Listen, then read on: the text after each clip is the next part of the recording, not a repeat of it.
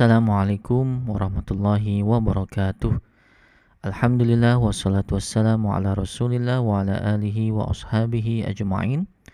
Rabbi syrah li sadri wa yassir li amri wahlul 'uqdatam min lisani yafqahu qawli. Para pendengar yang budiman, tema kita pada kali ini adalah tentang satu permintaan yang mewakili semua.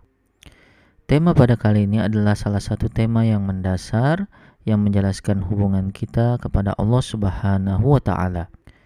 Karena hubungan antara kita dengan Allah Subhanahu wa taala adalah ketika kita memohon pertolongannya.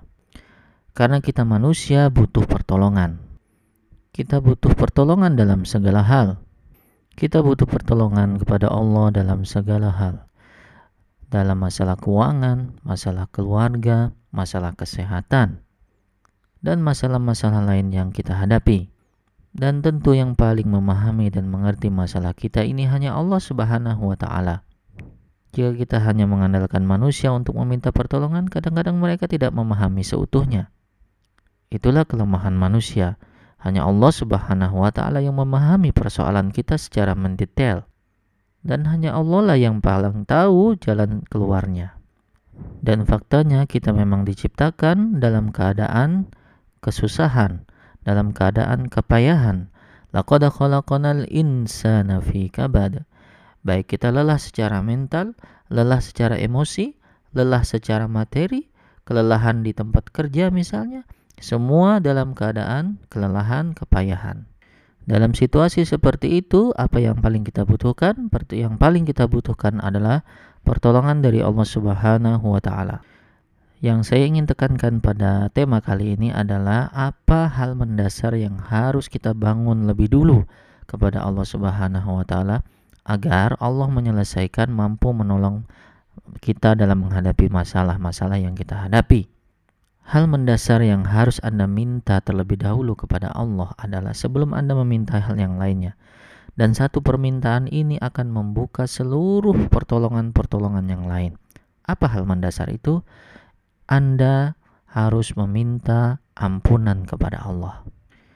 Bukan hanya sekedar meminta ampun, tetapi Anda benar-benar tulus mengakui semua kesalahan Anda, duduk bersimpuh di hadapan Tuhan, di hadapan Allah Subhanahu wa taala, benar-benar mengakui kesalahan, maka itulah kunci pertama untuk menolong Anda. Dan kalau kita pelajari semua doa di dalam Al-Quran, pada dasarnya adalah satu hal, yaitu meminta ampun kepada Allah, memohon ampunan kepada Allah.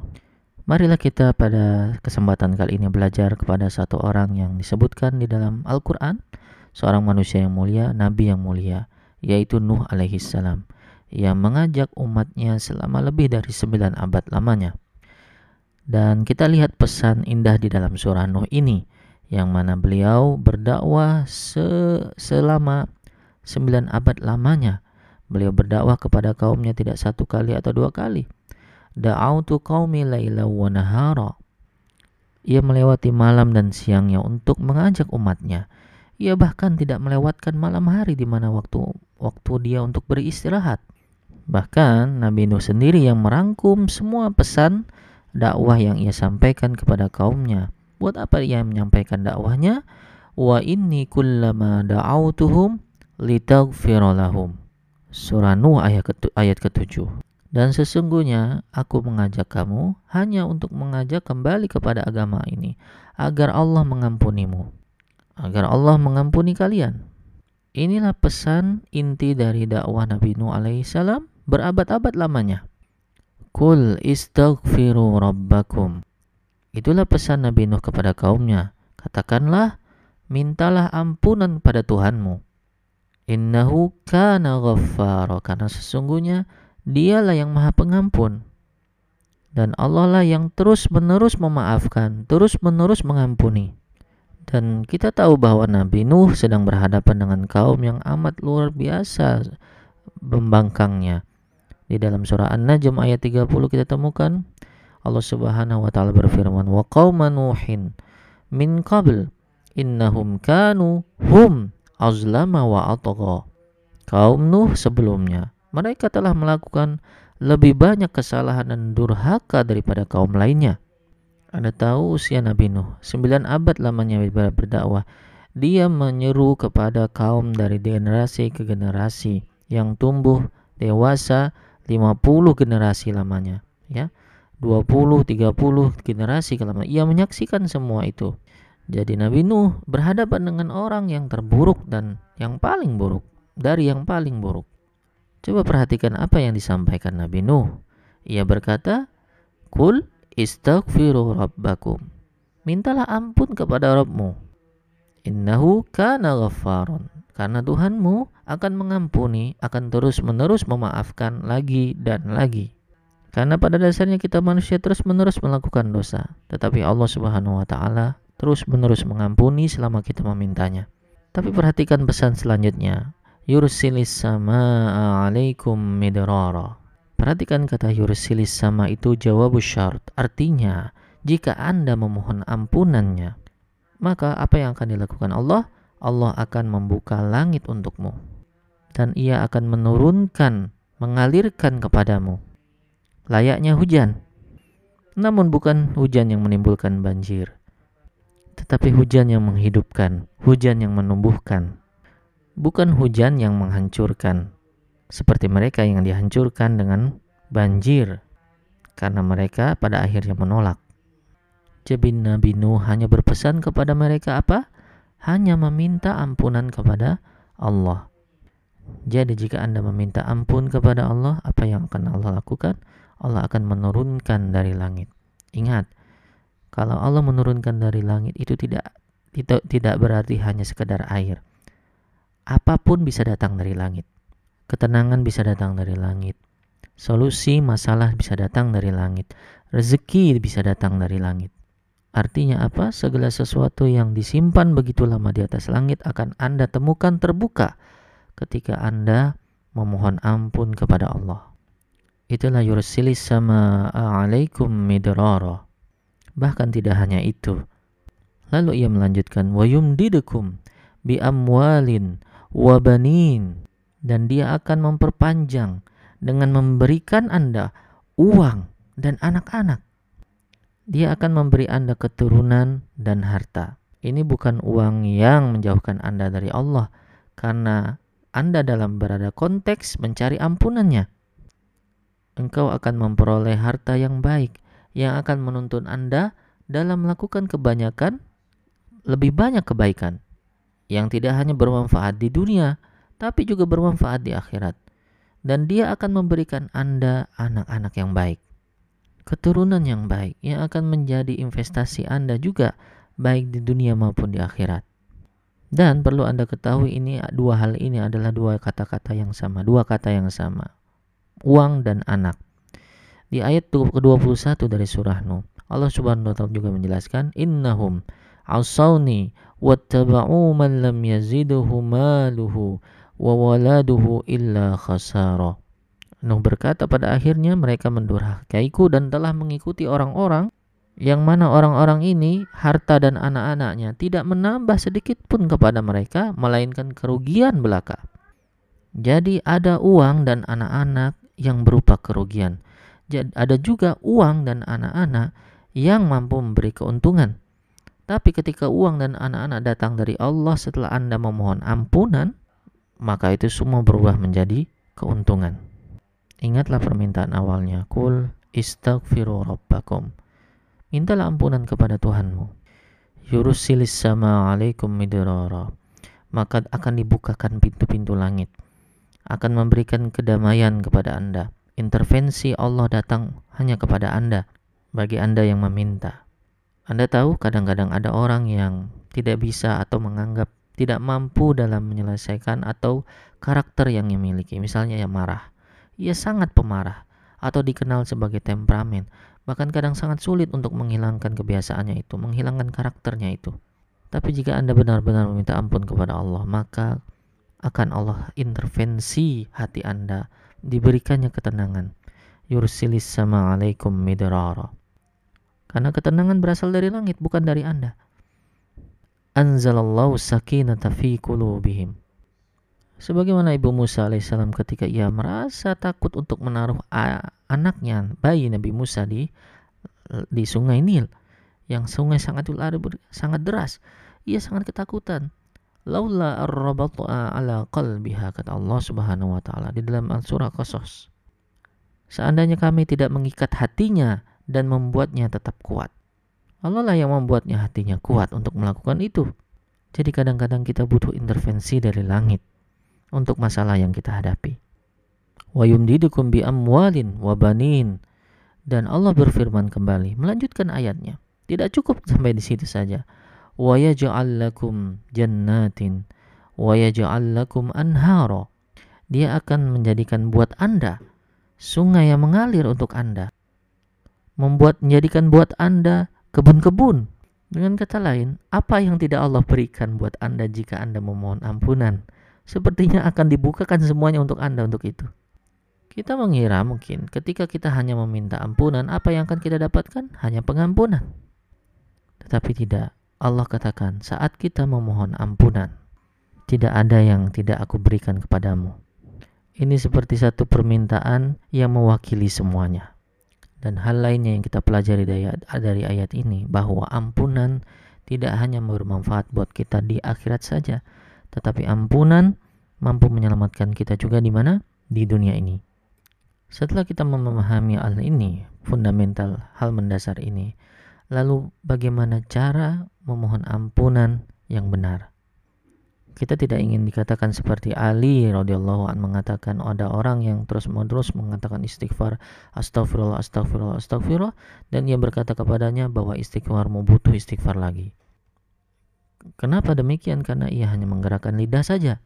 Saya ingin menggambarkan kondisi yang dihadapi uh, ada dua besar ada dua kondisi ekstrim yang dihadapi orang ketika dia berhubungan dengan Allah secara langsung. Kondisi pertama adalah orang yang merasa putus asa di hadapan Allah.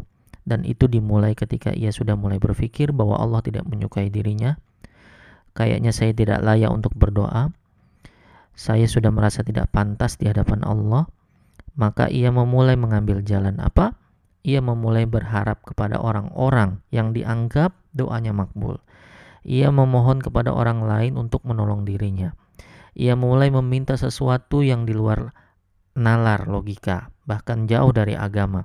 Ia mulai mendatangi sesuatu atau menganggap keramat sesuatu yang mampu yang menganggap itu mampu menolong dirinya. Padahal Anda tahu kepada siapa Nuh itu berdakwah kepada kaum yang paling membangkang. Dan apa yang dia minta? hanya meminta, mereka langsung meminta Allah meminta ampunan kepada Allah.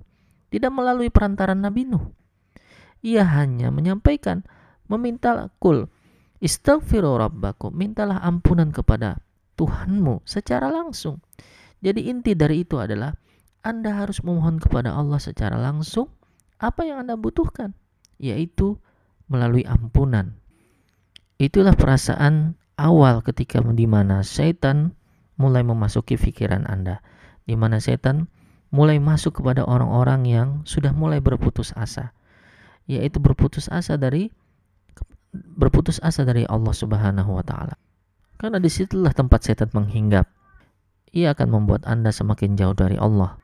Semakin membuat Anda menganggap diri Anda tidak layak, tidak pantas untuk berdoa kepada Allah. Padahal sesungguhnya Allah senantiasa mendengar doa-doa setiap hambanya.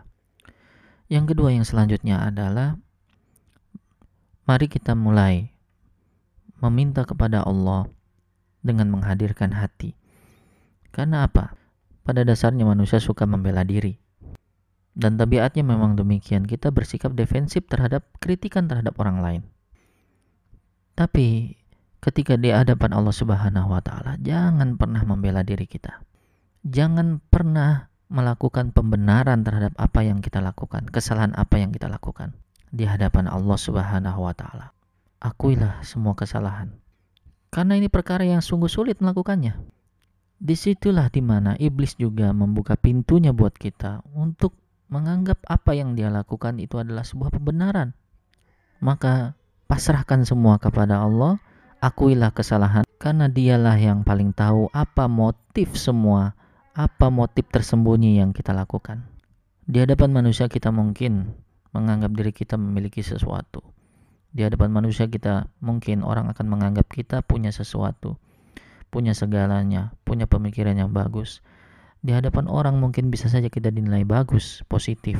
Tetapi Allah lah yang paling tahu rahasia kita. Dan ketika di hadapan Allah, maka bukalah semuanya. Jangan kau berani sekalipun membela diri Anda di hadapan Allah Subhanahu wa taala. Mintalah ampun kesalahan dengan tulus sampai meneteskan air mata. Dan di saat itulah Anda merasa lemah di hadapannya. Di situlah saat di mana ampunan permintaan ampunan kepada Anda, istighfar Anda kepada Allah adalah istighfar yang tulus dan murni. Itulah sesungguhnya percakapan yang sesungguhnya dengan Allah. Itulah pengakuan yang sebenarnya dengan Allah Azza wa Jalla. Bahkan kita dianjurkan untuk melakukannya di waktu tersendiri, di tengah malam ketika Anda bangun malam, di mana tidak ada orang lain mendengarkan Anda. Berdua saja dengan Allah Subhanahu wa taala. Ketika Anda melakukan semua itu, Ketika Anda mulai meneteskan air mata di hadapan Allah, walaupun Anda tidak banyak menghafal doa, itu lebih baik daripada Anda melafalkan doa dengan banyak doa tapi Anda tidak tergerak hatinya. Lisan Anda bergerak tapi hati Anda hati Anda tidak bicara. Maka ber, taruhlah harapan kepada Allah. Mohonlah ampun dengan penuh harap. Karena Allah tidak pernah akan mengecewakan hambanya. Dan di lain sisi adalah ada orang yang terus-menerus berdoa dan ia merasa doanya belum dikabulkan segera dan ia mulai merasa bahwa Allah tidak mendengarkan, maka jika hal itu sudah mulai menghinggapi Anda, ingatlah bahwa hal pertama yang merupakan karunia terbesar yang akan Anda dapatkan dari Allah adalah apa? Ampunan. Itulah karunia terbesar yang akan Anda dapatkan. Segalanya yang Allah firmankan bahwa dia akan memberi Anda keuntungan tambahan, itu hanya sekedar tambahan lainnya. Saya akan berikan satu contoh. Ketika kita mungkin berhubungan dengan anak kita, ya, kita punya anak, dan anak ini sangat membuat kita kesal dan marah. Lalu kita memarah, memarahinya, lantaran karena sikapnya mungkin, lantaran karena ucapannya yang tidak pantas mungkin. Dia kita kita marahi dia. Tetapi sebelumnya anak ini punya sebuah project, dia menggambar, dia suka menggambar. Dia menggambar untuk saya ayahnya misalnya. Kemudian ia membuat tulisan di gambar itu, kata-kata, "Ayah, aku cinta padamu." Aku sangat menyayangimu gitu. Dan tentu gambar itu dia tujukan ke buat siapa? Buat ayahnya, supaya ayahnya bisa melihat. Tapi mungkin ketika ayahnya sedang memarahinya, ia kemudian membuang atau membuang gambarnya itu ke sampah atau mengurungkan niatnya untuk memberikannya kepada ayahnya. Ya karena dia menganggap mungkin ayahnya lagi marah dan itu sama saja dia tidak peduli atau tidak mencintainya lagi.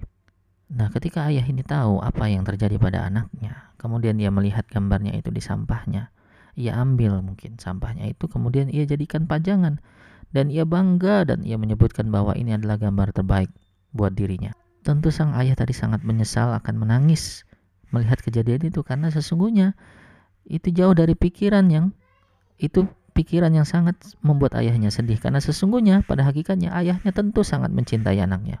Tentu kamu berbuat nakal, tentu kamu melakukan sesuatu yang buruk. Tapi pada dasarnya kamu tetap anak ayah. Sebagai seorang anak kamu bisa nakal berjuta-juta kali, tetapi ayah akan selalu mencintainya. Ayah akan selalu mencintaimu. Bahkan ketika ayah marah pun dia tetap mencintaimu. Kenapa? Karena cinta ayah kepada anaknya itu lebih besar daripada kesalahan yang dia buat. Itulah hakikat hubungan ayah dan orang tua. Hubungan orang tua dan anaknya. Tapi saya yang tekankan karena saya tidak sedang membicarakan itu. Tapi saya sedang berbicara apalagi hubungan Allah terhadap hambanya. Sebelayaknya seorang anak kita tentu berbuat kesalahan.